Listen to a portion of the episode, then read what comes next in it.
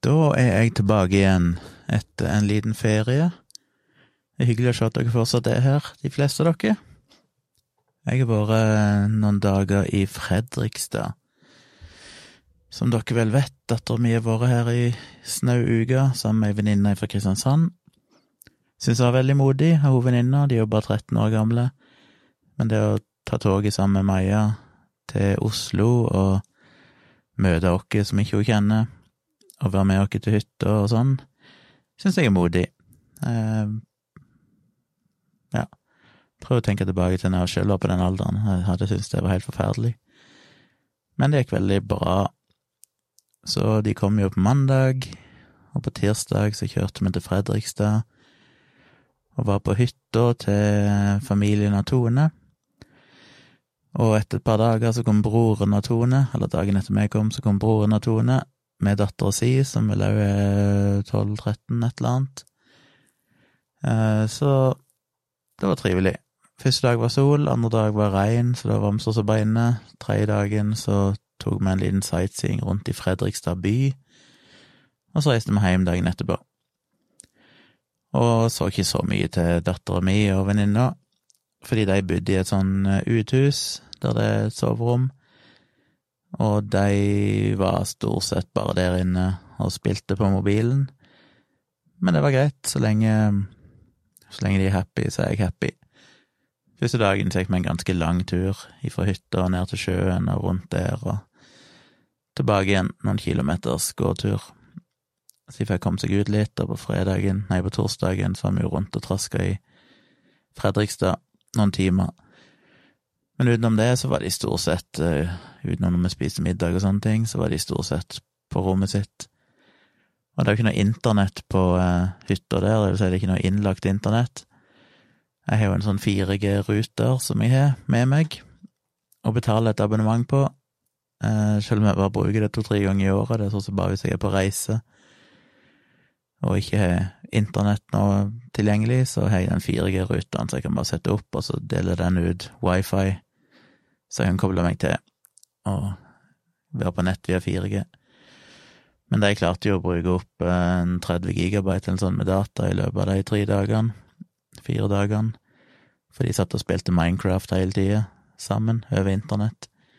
Som ikke jeg trodde skulle bruke så mye data, men det gjorde det tydeligvis, for det sugde jo data. Men, men, det er noen eh, billig underholdning totalt sett. Så det var trivelig. Jeg hadde med kamerautstyret, overvurderte litt, tok med meg en sekk med mange objektiver og stativ og filter og alt mulig, tenkte jeg skulle kanskje få anledning til å bruke litt tid på det. Det ble ikke så mye av det, jeg hadde med kamera på den første gåturen, knipsa ett bilde eller noe sånt. Den store forandringen med meg tidligere, så hadde jeg en tendens til å knipse bilder overalt, bare fordi jeg tenkte litt sånn alt som jeg så et potensial i, tenkte jeg, tar bilde av det, det kan jo bli bra. Men så er det vel sånn en lærer Blir litt mer erfaren. Jeg har Ikke drevet på oss veldig lenge, det er halvannet år jeg har tatt bilder, men men en har lært litt det, hva som er verdt å ta bilder og ikke, så nå er jeg mye mer kritisk. Nå skal det mye til før jeg gidder å ta et bilde, for jeg gidder ikke ha masse bilder som jeg bare ser på når jeg kommer hjem og tenker øh, det var jo ikke noe interessant. Så det må være litt spesielt før jeg tar bilde av det. Jeg hadde jo med kamera i Fredrikstad, og vi var jo i Fredrikstad i fjor òg, gikk rundt i byen. Da tok jeg masse bilder. I år tok jeg Ja, jeg tok et par bilder i bru, men det ble ikke noe bra. Så mye utstyr, lite bildetaking. Så det var ikke så fryktelig givende. Men um, det er gøy med kamera uansett, i tilfelle det skjer noe. Så det var en trivelig tur. Vi kom hjem igjen i går til Oslo, og så reiste jentene hjem med toget i dag. Så regner jeg med de kom seg trygt fram til Kristiansand. Ellers så er det jo dette fotogreiene. Jeg har faktisk ikke hørt noe ennå fra dette brudeparet som jeg hadde møte med forrige fredag. De skulle egentlig, hvis jeg skjønte de rett, med mindre jeg har misforstått noe, så trodde jeg de skulle gi meg en tilbakemelding i begynnelsen av denne uka her. Kanskje jeg har misforstått de, håper det. Kanskje det var neste uke de mente. Eh, ellers er de bare treige. Men det er klart, når det går noen dager og ikke hører noe, så tenker jeg bare at ja, ja, de har sikkert valgt noen andre enn meg. Og det er for så vidt greit nok. Det er jo kjipt. Det var ekstremt kult å få ta bilder. Men eh, ja, jeg hadde jo sett, sett, på det som veldig flaks på en måte hvis de hadde valgt meg. Så jeg håper jo fortsatt de vil det. Det var jo en veldig god stemning når de var her, og de sa jo de var veldig positive. Men jeg vet jo ingenting, kan ikke ta noe for gitt. Men jeg skal nå iallfall om et par uker til Bergen og ta bilder i bryllup, og det gleder jeg meg som sagt veldig til. Neste uke nå på torsdag 13., så skal jeg jo med til Trondheim og ha liveshow med Dialogisk. Og det eh, blir spennende, for det, det, virker jo Det arrangementet er jo Virker litt uferdig. Det er jo bare noen dager til arrangementet, mindre enn ei uke. Og på nettsiden deres er de jo fortsatt ikke klart å sette opp et endelig program. Og vi har jo ikke fått noen informasjon om noen ting omtrent, så det virker jo litt sånn Men vi får bare ta det så det kommer vi må finne et eller annet vi skal gjøre. Vi har jo egentlig tidligere av erfaring lært dere at vi bør ha en gjest når vi har liveshow, for det er ganske tungt å holde et liveshow, det, det er liksom ikke det samme som å sitte i studio. Um, spesielt fordi at publikum er jo ikke sannsynligvis bare dialogisk lytter, det kan jo være hvem som helst, så det tenker jeg litt på. Samtidig så er det et eller annet med det å ha gjest. Når du har en gjest, så føles det ofte som at det er gjesten som er hovedpersonen, at vi bare blir liksom konferansierer omtrent, som spør gjesten ting og sånne ting. Og jeg har egentlig lyst til at fokuset skal være på oss, det er jo dialogisk, det er jo podkasten til meg og Dag. Så jeg går med noen ideer og tanker jeg må tygge litt på i morgen, uh, se om jeg kan gjennomføre et eller annet som faktisk vi kan dra i land en god time, live, uten at vi trenger å ha noen gjest. Så det får vi se på. Så det blir det som skjer denne uka. Um, ellers, hva er det som har skjedd? Jeg holdt jo dette foredraget her forrige søndag, var det vel, om kritisk tenking. Jeg håper jo dere har fått sett det, jeg ser jo den del som er inne og sett det, det er jo fint. Jeg fikk òg lagt ut et nytt foredrag i eh, går, var det vel. Det vil si nytt og nytt, det er jo fra 2011, dere kanskje har fått med dere.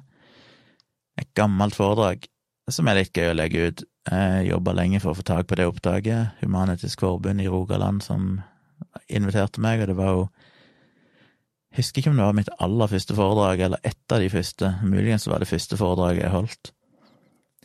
Men eh, jeg mener å huske at det varte mye lenger, så jeg vet ikke om det er en redigert versjon de har, eller var jeg så flink at jeg bare klarte å holde det litt over en time. Men eh, ja. Så det er iallfall et foredrag som eh, ble filma, og jeg egentlig har glemt vekk. Jeg bare skimma kjapt igjennom nå, sånn, bare hoppet litt fram og tilbake og ser jo at innholdet er mye tydeligvis det som senere ble til placebo-defekten, og litt av de samme tingene eh, som ble til ei bok seinere, og litt av de samme tingene som jeg har brukt seinere i foredrag, men òg en del ting ser jeg som jeg hadde helt glemt vekk, som burde kanskje se det foredraget og se om det er noen tips der til ting jeg kan bruke i framtida, um, og si. Men nå ligger det i hvert fall tre foredrag ute på patronen min. Det er ikke så veldig mange, ser jeg, som har sett det der dommedagsforedraget. Det syns jeg dere burde se. Jeg tror det er litt gøy. Foredraget foredrag om dommedag, som jo var spesielt det året der. Når var det? 2012? For da var det jo mange som trodde verden skulle gå unna. Eh, eller mange og mange. En del som trodde jorda skulle gå unna. Men eh, det skjedde jo ikke, så vidt jeg vet. Men dommedagsprofetier dukker jo opp hele tida. Det er jo vært til alle tider og kommer til å være i framtida, så det er jo evig relevant. Og det er jo kanskje et lite interessant innblikk i hvordan en del folk tenker. Så ta gjerne en kikk på det, det ligger jo her inne på Patrion et eller annet sted langt bak i feeden. Det kan være litt vanskelig å finne igjen gamle ting, men hvis dere går inn på nettsida iallfall, så finner dere øverst er det jo sånne tagger. Du kan jo tagge, klikke på taggen, det er vel en tagg der for foredrag, og da får du bare opp de postene som handler om, som er tagga med foredrag. Så er det litt lettere å finne. Så det ligger tre foredrag inne, da. Det er jeg ganske fornøyd med. Jeg må se om jeg skal prøve å kjøre et nytt eh, livestreama-foredrag etter hvert. Eh, det har jeg en plan om. Muligens at jeg da fokuserer mer på dette med hjernen, kanskje. Hvordan hjernen lurer oss. Psykologien i alt det. Ikke helt bestemt meg ennå. Må se det litt an. Så håper jeg jo jeg blir booka til noen foredrag igjen etter hvert, nå som koronagreiene har roa seg litt. Eh, det kan jo slå alle veier, selvfølgelig, det kan bli verre igjen, men det er iallfall per nå mulig å ha mindre arrangementer. Så ja, Jeg vet ikke om det er noen som tør å arrangere foredrag nå, for dette er for stor risiko. Jeg vet aldri om det plutselig blir eh, sperra ned igjen og nye grenser for hvor mange du kan samle, så jeg skjønner jo at det ikke blir booka så mye, men det var gøy å blitt invitert med noen foredrag igjen. Eller så skjer det jo ting på internett. Um, jeg fikk en melding på Instagram for noen dager siden ifra en fyr som heter Hva er det han heter? Kenneth Frelsøy Brelin, som skrev til meg fordi han har hørt mye på dialogisk, og var freidig nok, sa han, til å ta kontakt.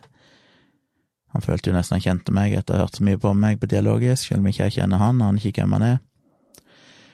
Men det er en fyr som er, Han er 32 år gammel, er gift, de er to unger sammen, to små unger på tre og to år, bor i Oppdal, og han eh, fikk eh, beskjed om at han hadde progressiv, primær progressiv MS for ti år siden. Som er en eh, MS, multiple sklerose, som blir gradvis verre og verre. De blir mer og mer eh, Mister mer og mer funksjon Funksjon, funksjonalitet, funksjon, funksjonsevne i kroppen. Større og større funksjonstap. Så det gikk ganske greit med han i en del år, men de siste ja, tre-fire årene så er det gått ganske kjapt nedover. Han skrev rett og slett til meg bare for han hadde oppretta en sånn spleis inne på spleis.no, der han prøvde å få folk til å gi penger, for han trenger Han er si han har satt et mål om Ja, det er vel et fleksibelt mål, står det, men akkurat nå står det på 500 000. Rett og slett fordi han trenger hjelpemidler for å klare seg i hverdagen. Han er en Instagram-konto som eh, E-B-K-E-N-T-H, Bekent, som det går an å ta en kikk på, der han viser litt bilder. Det er jo trist å se, for det skåler litt tilbake i tid, til litt eldre poster, så er det jo en frisk, kjekk ung mann, og så ser du bare hvordan det liksom blir. Han blir sjukere og sjukere, og de siste postene så har han en del bilder og videoklipp der han viser hvordan han liksom bare skal komme seg i dusjen, hele den prosessen, hvor langdryg og vanskelig det er å komme seg ut av senga og kravle seg over gulvet og komme seg inn i dusjen og sitte på dusjgulvet og prøve å dusje seg sjøl. Eh, han er jo i rullestol, han er sånn stomipose, for han har ikke noe kontroll over tarmfunksjoner, urinering lenger, og sliter vel med bruk av fingrene, sliter med tale, alt mulig rart. Så han trenger mye hjelpemidler, og han skriver jo det at staten er veldig flinke til å hjelpe han, han har jo fått mye hjelp, men han har søkt om en del penger og sånn til andre tekniske hjelpemidler, men eh, sykdommen hans, holdt på å si, eh, går framover, eller går nedover, holdt jeg på å si, raskere enn det behandlingstida er. Jeg tror jeg snakket om 18 måneder sånn behandlingstid på noen av de greiene. Så han trenger penger nå, han har ikke tid til å vente, og skriver jo en lang tekst inne på spleis.no som jeg skal lenke til i denne posten. Dere kan søke det opp hvis dere søker på Hjelpemidler MS. Så finner dere den, og dere skal få en direkte link. Hvis dere har lyst til å gi noen kroner, så kan dere jo det, eller dere kan bare dele det og spre ordet.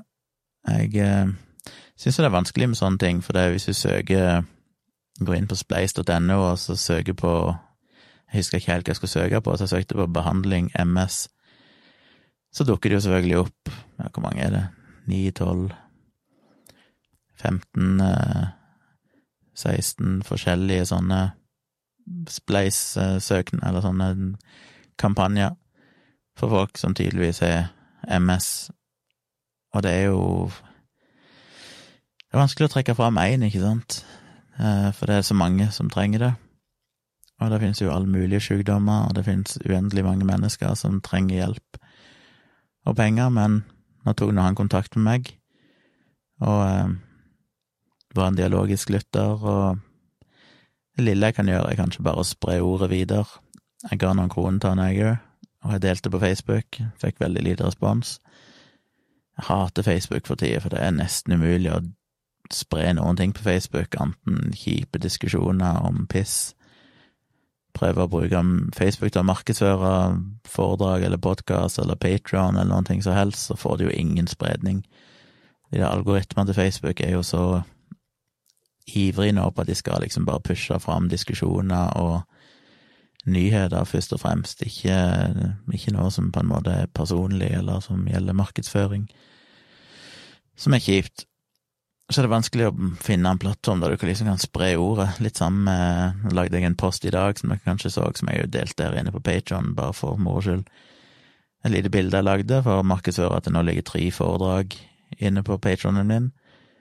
Så deler jeg den på Facebook for to likes, liksom. Det er ingen som ser den, for det er algoritmene til Facebook tror jeg aktivt sørger for å ikke spre ting hvis du har en Patron-link. På samme måte som de nekter å spre ting som har en YouTube-link. Så å dele ting med YouTube og Facebook er jo nesten umulig, for de vil jo du skal bruke deres videofunksjon og laste opp videoene på Facebook. Så det er noe dritt. og samme på Twitter. Twitter òg, så forsvinner han bare i et svart hull. Det er de som ser han akkurat i det øyeblikket du deler han. Og så forsvinner han stort sett. Så det, det er vanskelig å finne en plattform å markedsføre seg på, og prøve å dra folk inn på andre konkurrerende plattformer, for Facebook og Twitter og sånn vil jo selvfølgelig ikke bidra til at folk skal flytte eller hoppe over andre plasser. Så de er ikke så ivrige på å spre det. Så jeg delte jo denne her med hjelpemidler til MS til han eh, godeste Kent Frelsøy Berlin, men den òg fikk vel sannsynligvis ingen spredning, så det er jo nesten ingen som har sett det. Men del det gjerne hvis dere har lyst til det. Eller finne en annen sak dere kan dele, det er jo nyttig å dele sånne ting, og, og gi noen kroner hvis dere vil. Jeg tenkte bare å nevne det, siden han tok kontakt, så følte jeg fordi jeg hadde mulighet til å gjøre min bitte lille del i å kanskje kunne bidra til at han eh, får litt mer hjelp. Så det er det andre ting som er kjipt. Jeg satt jo her på Twitter i forgårs, i Fredrikstad, lå i senga på kvelden, og så ser jeg plutselig en melding. Um, ja, først en som skrev at uh, han hadde mista ei nærvenninne. Jeg tenkte ikke så mye over det, hvis ikke hva det innebar. Og så oppdaga jeg plutselig at ei som kaller seg Hun Var vel to Twitter-kontoer, en på sitt eget navn og en på et alias som heter Konemateriale. Altså alfakrøll konemateriale på Twitter. Som bare skrev en setning, et eller annet med takk for alt, liksom, nå vil hun forsvinne, og håpte folk ville huske henne som en legende i Twitter-verdenen, eller et eller annet sånt. Og jeg har jo sett sånne før, det er jo enkelte folk på Twitter som er litt notoriske for å skrive litt sånn suicidale meldinger, og så varer det to timer, så er jeg tilbake igjen i full vigør. Men jeg skjønte jo fort at denne meldingen var seriøs, og når jeg leste den, så var han posta for tre timer siden, og da var jo allerede bekrefta død. Um, jeg kjente ikke hun. Jeg har vel registrert det navnet, konematerialet, som jeg dukket opp som en tweet i ny og ne. Men det er jævlig dritt når du ser sånt. Um, og bare vite at det skjedde liksom akkurat nå. Så var det ei ung dame på, tror jeg var rundt 25 år, som valgte å forlate denne verden fordi ting ble for vanskelig. Og det er et eller annet surrealistisk alltid når jeg ser sånn som jeg er inne og ser på Twitter-profilen deres og blar litt bakover og ser liksom at samme dagen så hadde hun tvitra ting som virker helt normale og ja, spøkefulle og sånne ting, og så noen timer seinere så velger hun å ta sitt eget liv. Det var et eller annet jeg aldri, aldri klarer å Og de fleste gjør vel ikke det. Heldigvis, kanskje men òg uheldigvis, og rappa hjernen rundt akkurat det der.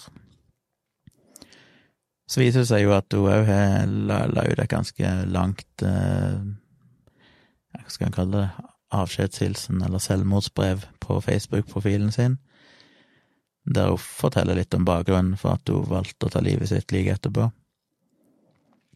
Som handler om at hun har slitt med psykisk sykdom hele livet, ikke fått den hjelpen hun trenger, kjempa og kjempa for å få hjelp, egentlig ikke følte at hun har fått det eller blitt tatt på alvor, og fått tilbud om medisiner som hun ikke føler hjelper, var veldig skeptisk til å ta medisiner. Eh, blitt voldtatt relativt nylig, i april eller noe sånt, virka vel òg som at hun hadde blitt voldtatt tidligere. Hun snakket om det i flertall, men den siste saken er det jo vært noe medieoppmerksomhet om. Jeg så folk delte screenshots av noen artikler, eller en artikkel som var skrevet om, om den saken eh, for en liten tid tilbake, der poenget vel var at politiet hadde henlagt saken uten i det hele tatt å forhøre gjerningsmannen, selv om gjerningsmannen òg hadde visstnok, ifølge det hun skriver, sånn innrømte overfor henne i en meldingsutveksling at eh, han, det som hadde skjedd. Og det var vel kanskje dråpen som fikk begeret til å flyte over. Altså, det er jo tydeligvis komplekst, det med oppvekstvilkår og familie, og det er fryktelig mange ting skinner det vel gjennom i den Facebook-posten. Så det er den ene sida av saken, at det er helt forferdelig trist å lese og vite at det skjedde, selv om jeg ikke kjenner henne, ikke hatt noen interaksjon med henne, men det føles liksom nært når du bare ser det skje på en måte i real time i sosiale medier. Og så er det jo enda verre at det er alltid noen drittsekker på Facebook og i sosiale medier. Blant annet en uh, fyr som heter så mye som uh, Øyvind Walter. Og du vet hvilken fyr du har med å gjøre når du ser profilbildet, at han eh, har et norsk flagg og bilde av seg sjøl. Og han eh, deler et par bilder fra profilen hennes til hun som tok livet sitt. Dette posta han jo ja, tidligere i dag, så altså dagen etter ja, litt over et øyne etter hun har tatt livet sitt. Så skriver han eh, denne jenta skal liksom ha tatt sitt eget liv. Hun vil, ville endre voldtektsparagrafen slik at det blir lettere å anklage noen for voldtekt, og hun vil uten tvil inn i EU. Er det rart jeg ler og blir skeptisk og ikke tror på noe av det de sier, at jeg kaller det fake, fake, fake? Politiet henla voldtektssaken, så nå må hun sikkert spille død for å få nok sympati til en lovendring. Jeg var ikke velkommen der, kan en si mildt, men sympati ville de ha mer av, jeg skjønner ikke den siste setningen. Men ja, hun er jo bekrefta død, eh, som ikke er veldig vanskelig å finne ut hvis han hadde sjekka bitte grann. Men han velger da å bruke den saken og kalle det fake, at hun bare gjør det for å få oppmerksomhet, og basically harselerer over som har slitt veldig i livet og blitt voldtatt og tatt livet sitt. Eh, og mener det er fake, for det er jo trenger sympati for å nå fram med noe som han tydeligvis mener er forferdelig, som er altså en samtykkeparagraf. Um, ja, hva skal en si? Gå inn på profilen hans, så er det jo selvfølgelig en fyr som studied at juridiske fakultet, en ganske ung fyr, ser ganske glatt ut. Og jeg blir jo ikke nødvendigvis veldig overrasket når jeg ser hvilke felles venner vi har. Altså, jeg er ikke venn med han, men jeg ser hvilke venner han har, som òg jeg har. Og det er Ja, han er jo selvfølgelig administrerer Norges Demokratiparti, NDP. Norges Demokratiparti. Jeg mener, alle de folkene som driver et eller annet politisk, som de snakker om demokrati, er jo alltid folk som er gjennomført ko-ko. Og det er Jesus, jeg ser de postene hans. Ja. En kronidiot av dimensjoner, og det er bare så deprimerende å se sånne folk eksistere og kunne Jesus, hva er det han skriver? Ja. Folk som har muligheten til å ytre seg og være seg sjøl i sosiale medier, er jo ikke en god ting. Han har heldigvis fått mye mye motstand i kommentarfeltet. Akkurat nå er det 419 kommentarer. Mange som har delt posten hans. Ikke i sympati med han, men for å på en måte advare om at hvis du er venn med han, så bør du kanskje ikke være det. Eh, det tragiske her er jo at med stor sannsynlighet så er jo heller ikke han helt frisk, så det er liksom alltid litt vanskelig. Du ikke har folk som dette her som sannsynligvis sliter sjøl. Du ser jo måten han skriver på, han klarer ikke å skrive sammenhengende, og Ja. Nei, det er dritt. Så det er iallfall bare litt eh, deprimerende at sånne ting skjer, og at det, det finnes andre, ikke helt stabile mennesker der ute som velger å bruke det på uheldige måter. Ja, det var dagens deprimerende budskap. Um, hva skal jeg si videre? Hva som skjer framover? Det er Trondheim uka. Mandag nå så begynner jeg jo i vanlig jobb igjen, som blir en litt sånn overgang. Det er jo blitt en del jobb i sommer fordi jeg måtte sette opp et par nye nettaviser og fulgt opp en del support og sånn. Men denne uka, når vi var i Fredrikstad, så var det faktisk ganske rolig, så jeg har vel egentlig ikke jobba noe særlig, anten å svare på et par meldinger og sånne ting.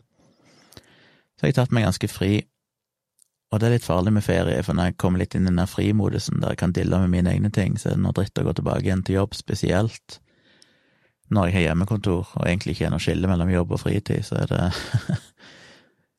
litt krevende å komme tilbake igjen i en modus der du faktisk skal være skikkelig produktiv igjen. Men eh, det må jeg jo gjøre. Så fra mandager så blir det full, full pes. Mandag, tirsdag, onsdag, og så reiser vi til Trondheim på torsdag hjem igjen fredag, så jeg får ikke jobbe så mye da, kanskje litt på ettermiddagen hvis det er noe som er viktig. Så er det ny helg, uka etterpå, vanlig arbeidsuke, bortsett fra fredagen skal jeg til Bergen og være fotograf, som jeg gleder meg veldig, veldig til. Assistentfotograf, altså. Og jeg har jo da litt i panikk, eh, ikke så panisk når jeg skal være assistent, for det er ikke så viktig det jeg gjør, jeg skal jo bare springe rundt og ta bilder etter mitt eget forgodtbefinnende. Men jeg vil jo lære mest mulig, og det er mitt store problem her i livet, at jeg føler det er så uendelig mye å lære. Jeg har ikke tid, jeg har bare lyst til å se videoer på YouTube og lære alt mer og mer, mer og mer hele tida. Det er så uendelig mye jeg har lyst til å lære. Jeg har sett to eh, lange videoer i dag av eh, hva det heter, en YouTube-kanal som heter Some More News, eller noe sånt. Jeg skal lenke til de i denne podkasten, for jeg syns dere burde se de. Det er en dude som jeg og Dage nevnte et par ganger dialogisk, som jeg oppdaga her for noen måneder siden, et år siden kanskje, ja.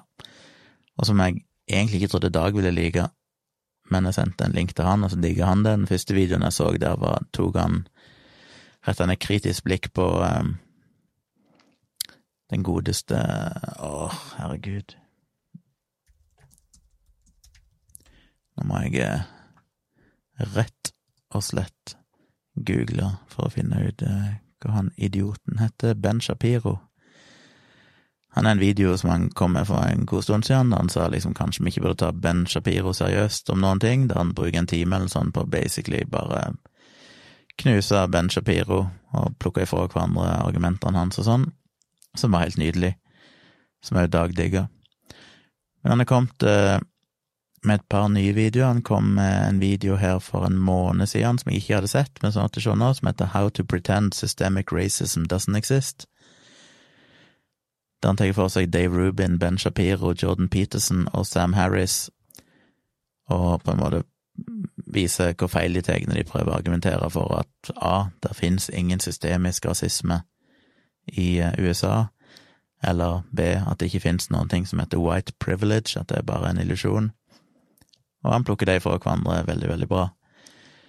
Og så kommer det òg med en ny video i dag som heter How Ben Shapiro Pretends Nothing Can Be Done About Systemic Racism. Jeg så faktisk den først, og så den andre etterpå, fordi han henviser til den andre en del, men det er jo mer fornuftig hvis dere ser den som kom for en måned siden først, selv om jeg syns den var litt dårligere. Jeg likte best den siste, men jeg kan bare greie å se den først, og de var jo ganske lenge, da. Men det er jo en slags parodi på The Tonight Show og litt sånne ting, der du har en dude som sitter og snakker til kamera.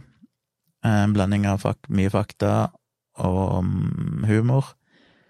Men det skal liksom være litt sånn nedslitt opplegg, så han er alltid shabby og slipset ikke knytta og Ja, det er veldig sånn eh, ja, shabby eh, opplegg. Men innholdet er solid. De har jo en redaksjon, det ser ut som det er bare en dude som sitter og lager dette alene, men de har jo en redaksjon som sitter og sjekker og faktasjekker og gjør dette skikkelig.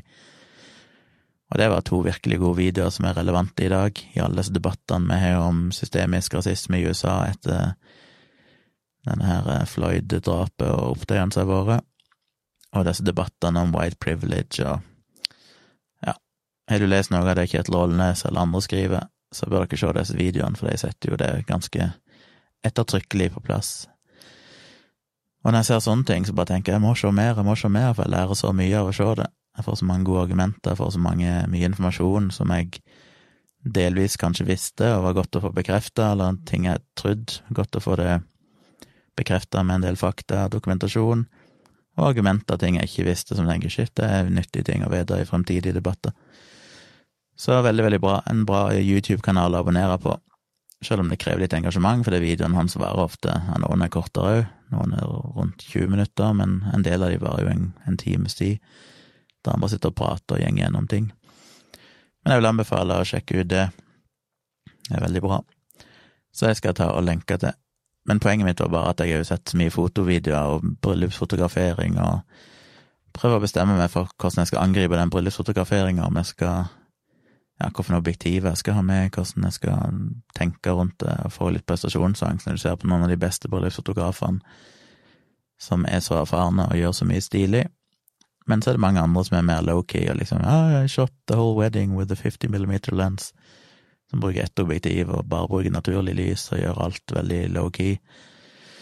Så jeg må finne litt ut hva jeg skal gjøre når jeg faktisk skal gjøre det på ordentlig, hvis det skjer en dag.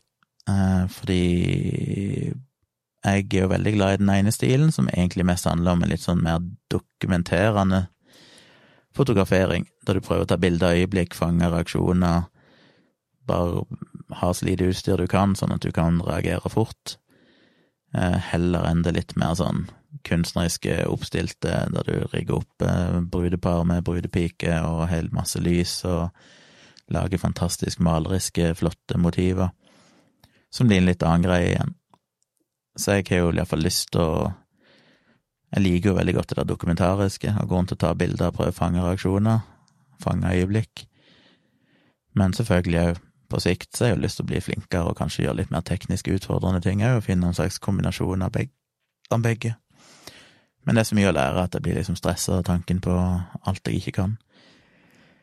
Så jeg har jo fått solgt litt utstyr. Jeg fikk jo solgt det ene kameraet jeg hadde, som jeg nevnte. Jeg har fått solgt eh, objektivene jeg hadde lagt ut for salg, minus den 50 millimeteren, for den angrer jeg på, så den valgte jeg å ikke selge. Og så har jeg bestilt et nytt objektiv, for nå kom de med en ny versjon av et objektiv jeg har fra før, som er omtrent halvparten så tungt og enda litt bedre, og faktisk litt billigere. Så jeg har bestilt det, forhåndsbestilt det, kommer ikke ennå.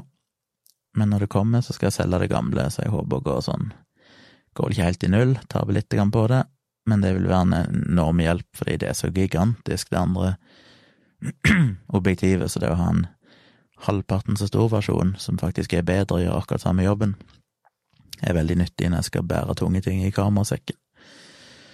Så det gleder jeg meg til. Og ellers så er jeg vel stort sett dekka på de fleste fronter nå. Um, alltid nye ting en kan ha, men jeg må jo se an litt behov og sånn. Og så, helt til slutt, så har jeg jo endelig fått disse møblene mine til kontoret. De kom jo her i går. Så jeg har skrudd sammen en eh, kommode, heter det vel, som jeg selvfølgelig klarte å gjøre helt feil. Så når jeg var ferdig, så var det sånn Oi, her er det jo helt plate igjen. Hva er den hører hjemme hen? Den har jeg glemt vekk. Jeg trodde det var ferdig. Og så oppdaga jeg at å ja, den skal være på toppen, ja. Som gjør at alt ser litt finere ut. Men hvordan fester jeg den? Å ja, jeg har snudd alle platene opp ned, så det var ikke noe skruehold.